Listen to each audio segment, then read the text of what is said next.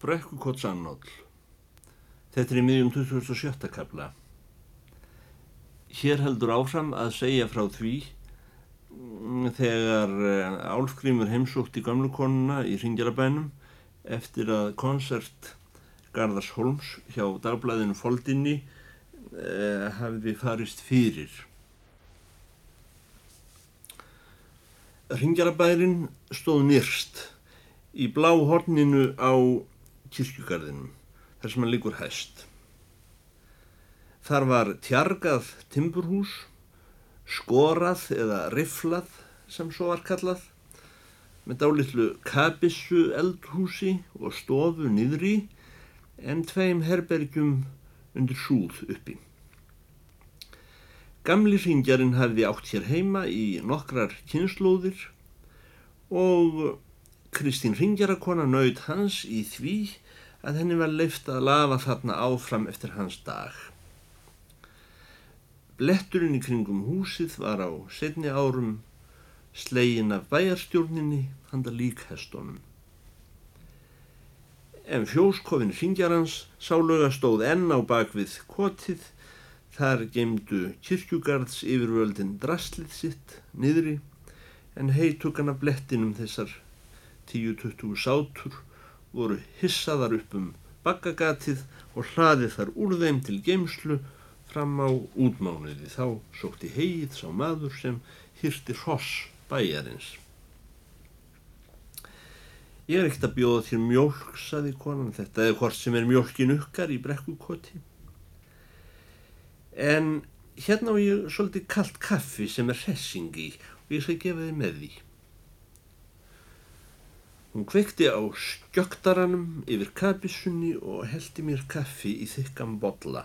Síðan fór hún honni í körfuna sína þar sem bakaríus kökunum virtist líða vel eftir lyktinni að dæma þó ferðin hefði gengið skrikkjótt. En hún gaf mér ekki vínbröð, heldur snúð. Ég hefði að vísu heldur kosið vínbröð með grætni sigur kvóðu og hindberjamauki en snúðar voru góði líka. Í þeim eru kúrennur sem ekki eru í vínirbröðum og oft gríðar mikill kanell innst í harta þeirra.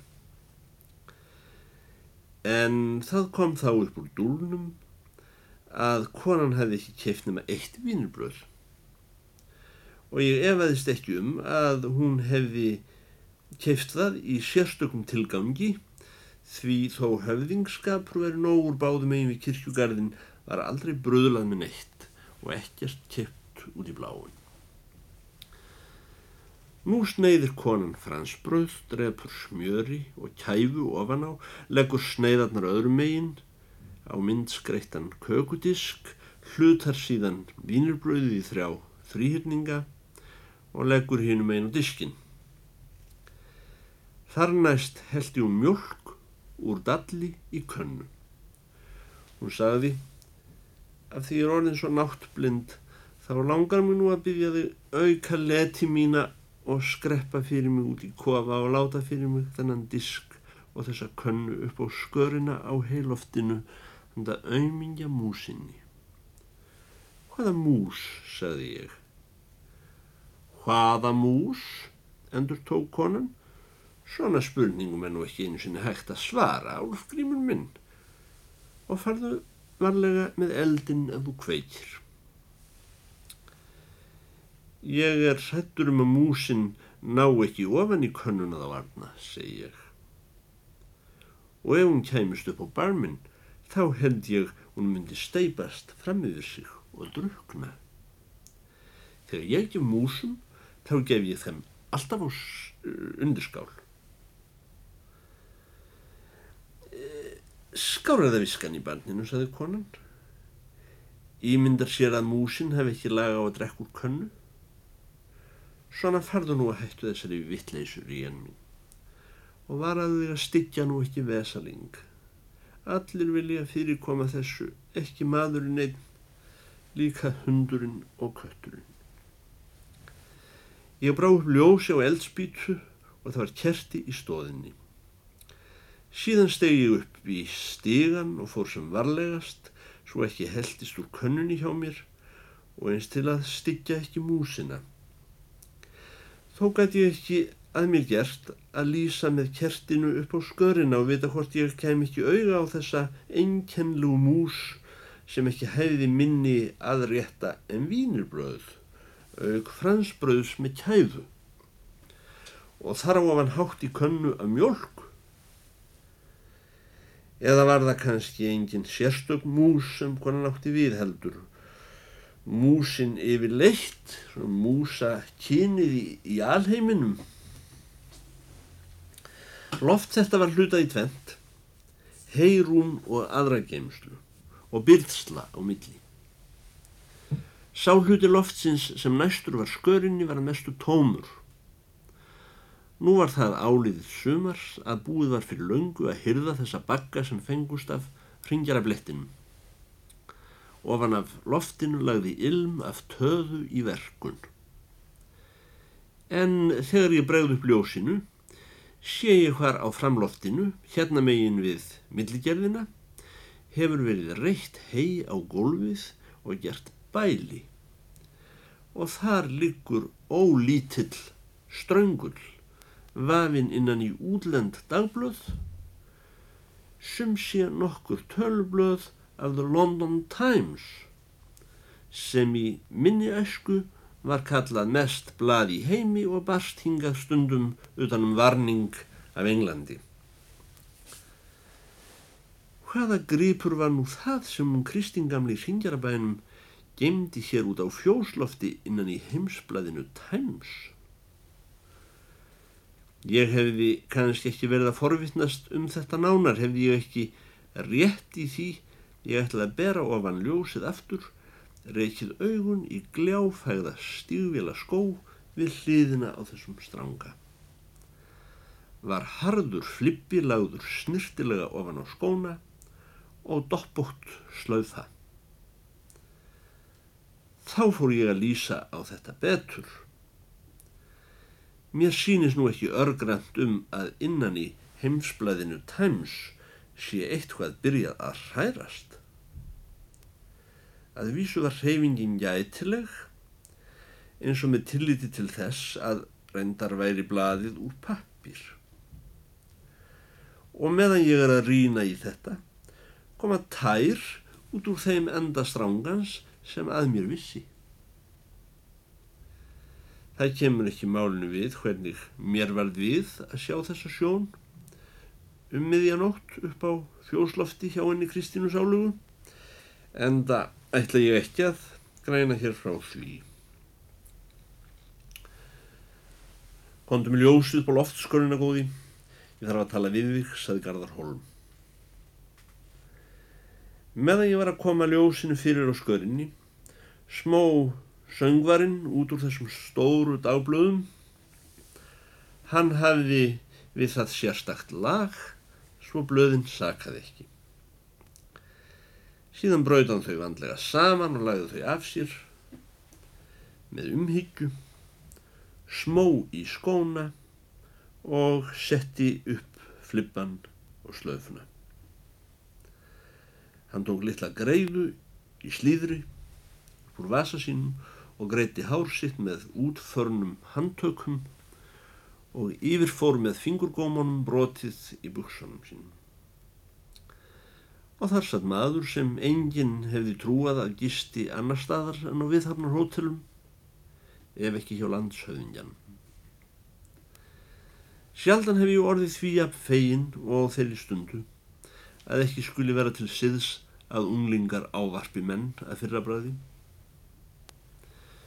Ég settist á loftskurina og tók upp naglbítinn minn og fór að dunda við að draga út nagla úr skónum mínum. Vínur, saði Garðar Hólm þegar hann var tilbúin. Eins og ég sagði þér um daginn, þá fannst mér nú standa off framalega á gravarbakkanum meðan þú söngst.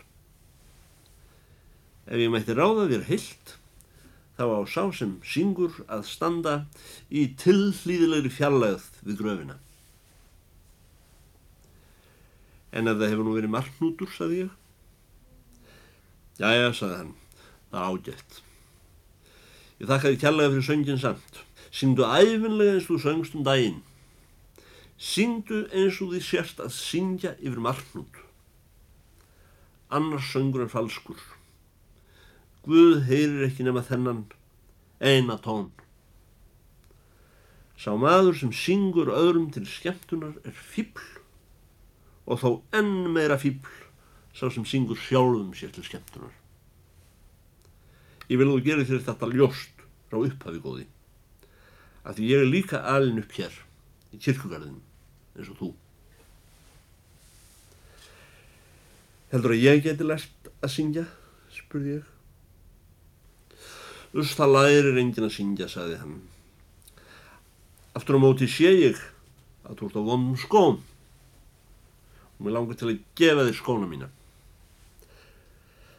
Það, það er nú alveg óþarfi, sagði ég. Nei, sagði hann, það er engin óþarfi. Við erum vinnir, þú syngur, ég gef þér skó. Og gerðu svo vel, hér er kæfa. Eða viltu heldur vínirbröð?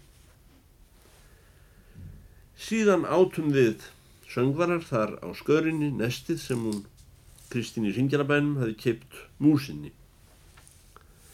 Það var ekkert undanfæri.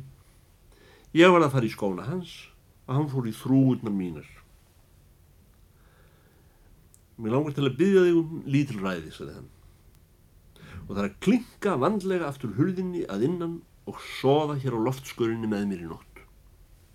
Ég ætla að byggja þig að hafa andvar á þér ef einhver skildi berja og fara til dýra og segja við hvert sem spyr að Garðar Holm óperusöngvari sé ekki hér.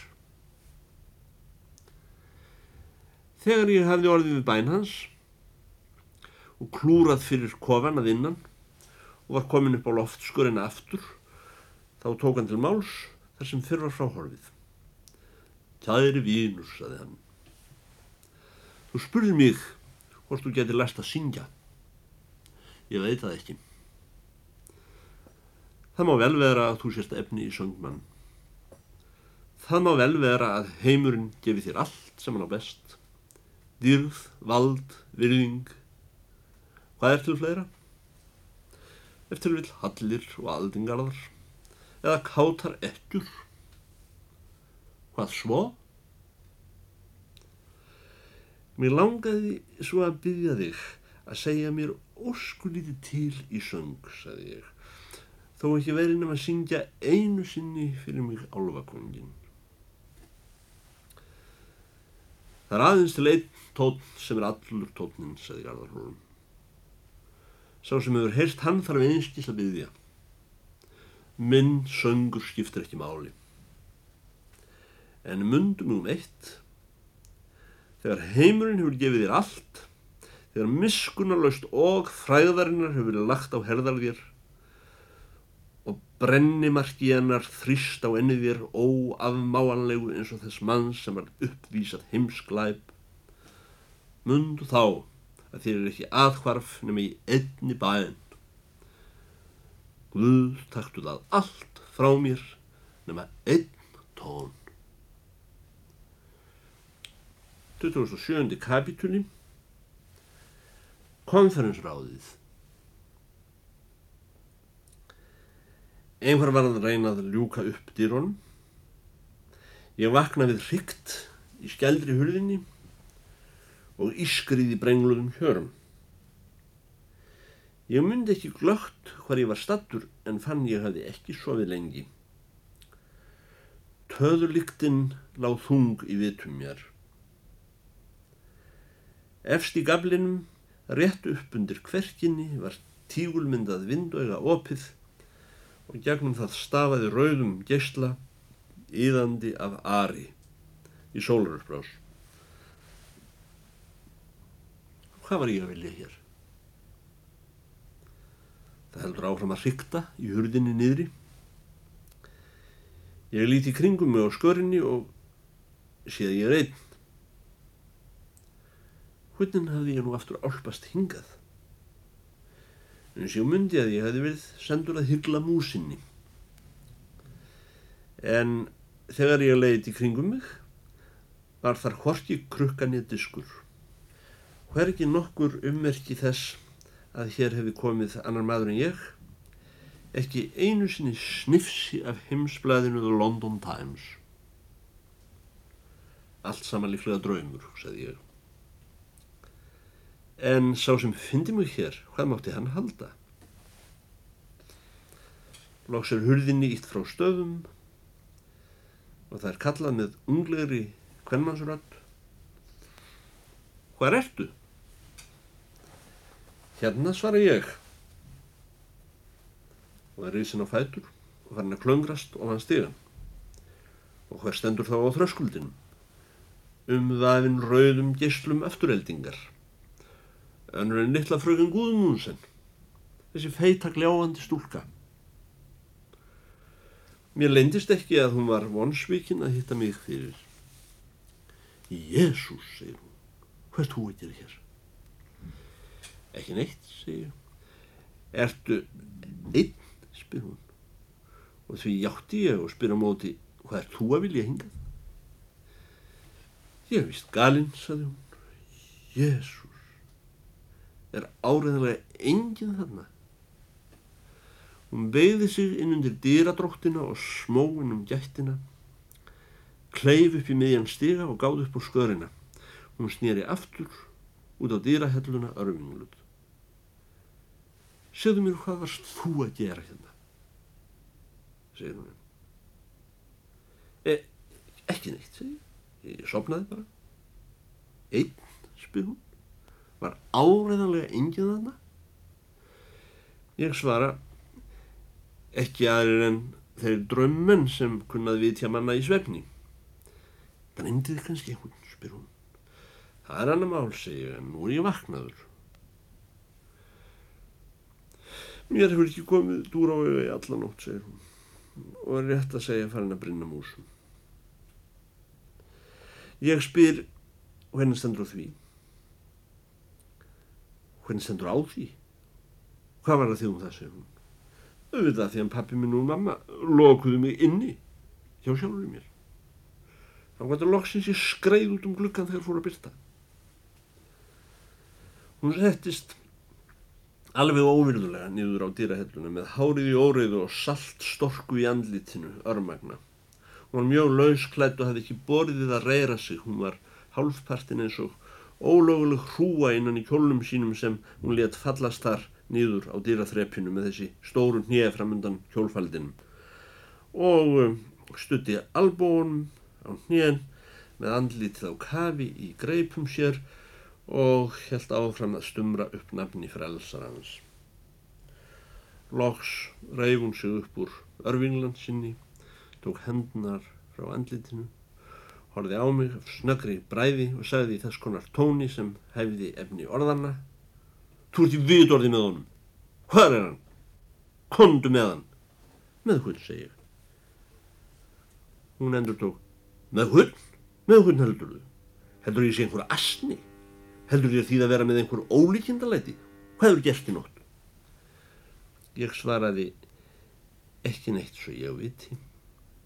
Og ég er ekki heldur skildur til að standa þér nýja öðrum reikningsskap af því sem mig dreymir. Þú er alltaf viljið svína best, sagði hún og horfið á fætuna á mér. Þú er stólið skónum hans.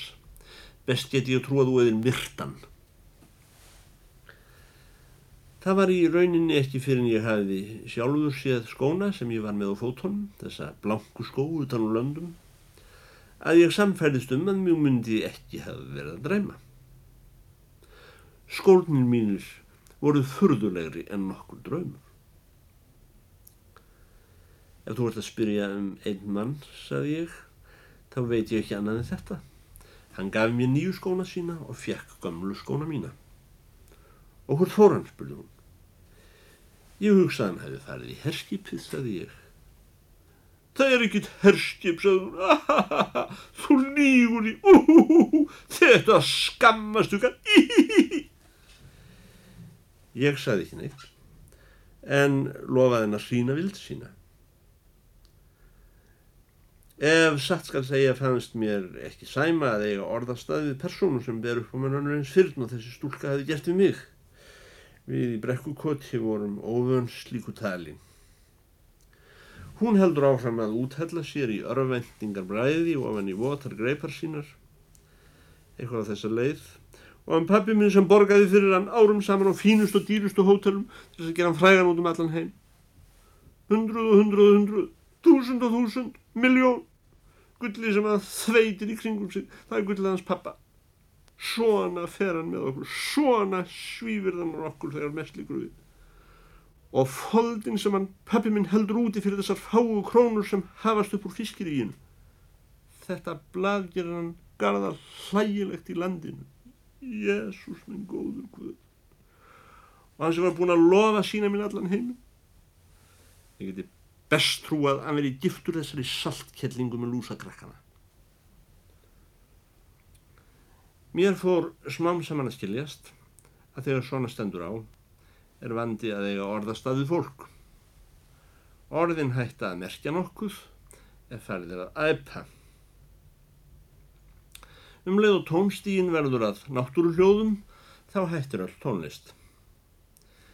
Ég svaraði öngu en horfið þegjandi á þessa feitu stúlku sittja í raug á þröskulds nefnu við hryktandi út í hús marg fúið og marg uppþornað og löngu hætt að vera í húsatölu. Hún var búin að segja allt og ekkert hægt að segja meira. Og ég var búin að sjá stúlku leysast sundur í vatni. Hún gerði tilraun til að verða aftur að förstu efni með því að fara með kjólfaldin sinn upp að augunum og, þurka framann úr sér þar sem hún satt. Hún var ekki komin það til sjálfrar sína að hún teldi mig mann. Þannig síður kallmann að taka kjólfaldin sinn allaveg upp í andlit. Þegar hún var búin að þurka sér í framann, stóð hún upp og blés af sér sorgarþungan. Byrsta ársólarinnar var enn rauð á bláum fjöllónum handan sunda og grænni dögslunginni hanni á túnunum svo og sumarþreyttu rænfanginu á leðunum. Þetta var svo árdegis að ekki vottaði einu sinni fyrir reik úr strómpinum hjá henni ömmu minni fyrir sunnan garð. Ég rankaði við mér og sá að hér var ekki eftir neinu að býða. Nær að hýpja sig heim fyrir fótaferð. Vert sæl, ég farin, sagði ég. Hún tók upp um sig sokkana og straugnir um sig kjólinn og sög upp í nefið með veruleika hljóði eins og hún hefði komist á raunum að þýtti ekkert að vera með slæti. Ég hálfgerðu umkomuleysi og uppgjöf byður hún mig að skilja sig ekki sér svona eftir. Láttu mig ekki fara eina í bæin, sagði hún. Það eru grimmir hundar og fyllir aftar á göttunni.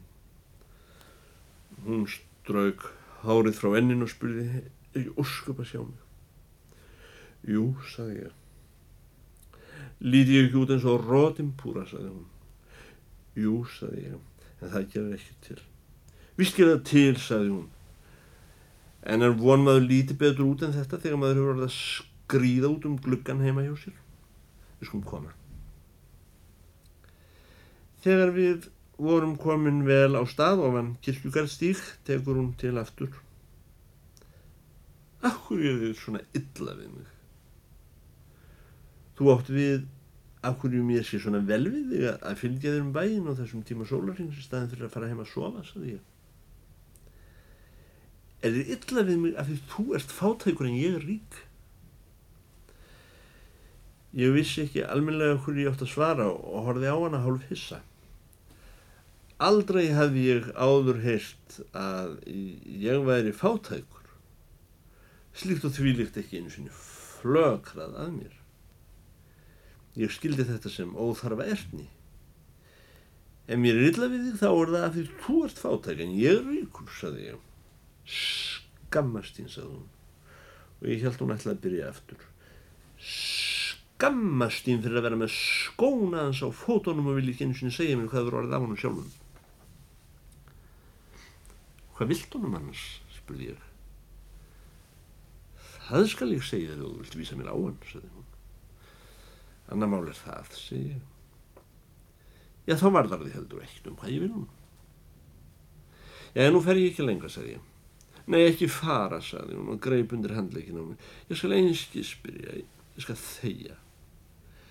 Ég veit ég á ekki með neitt. Ég er bara vittlaus stelpa sem er sloppið út um gluggan.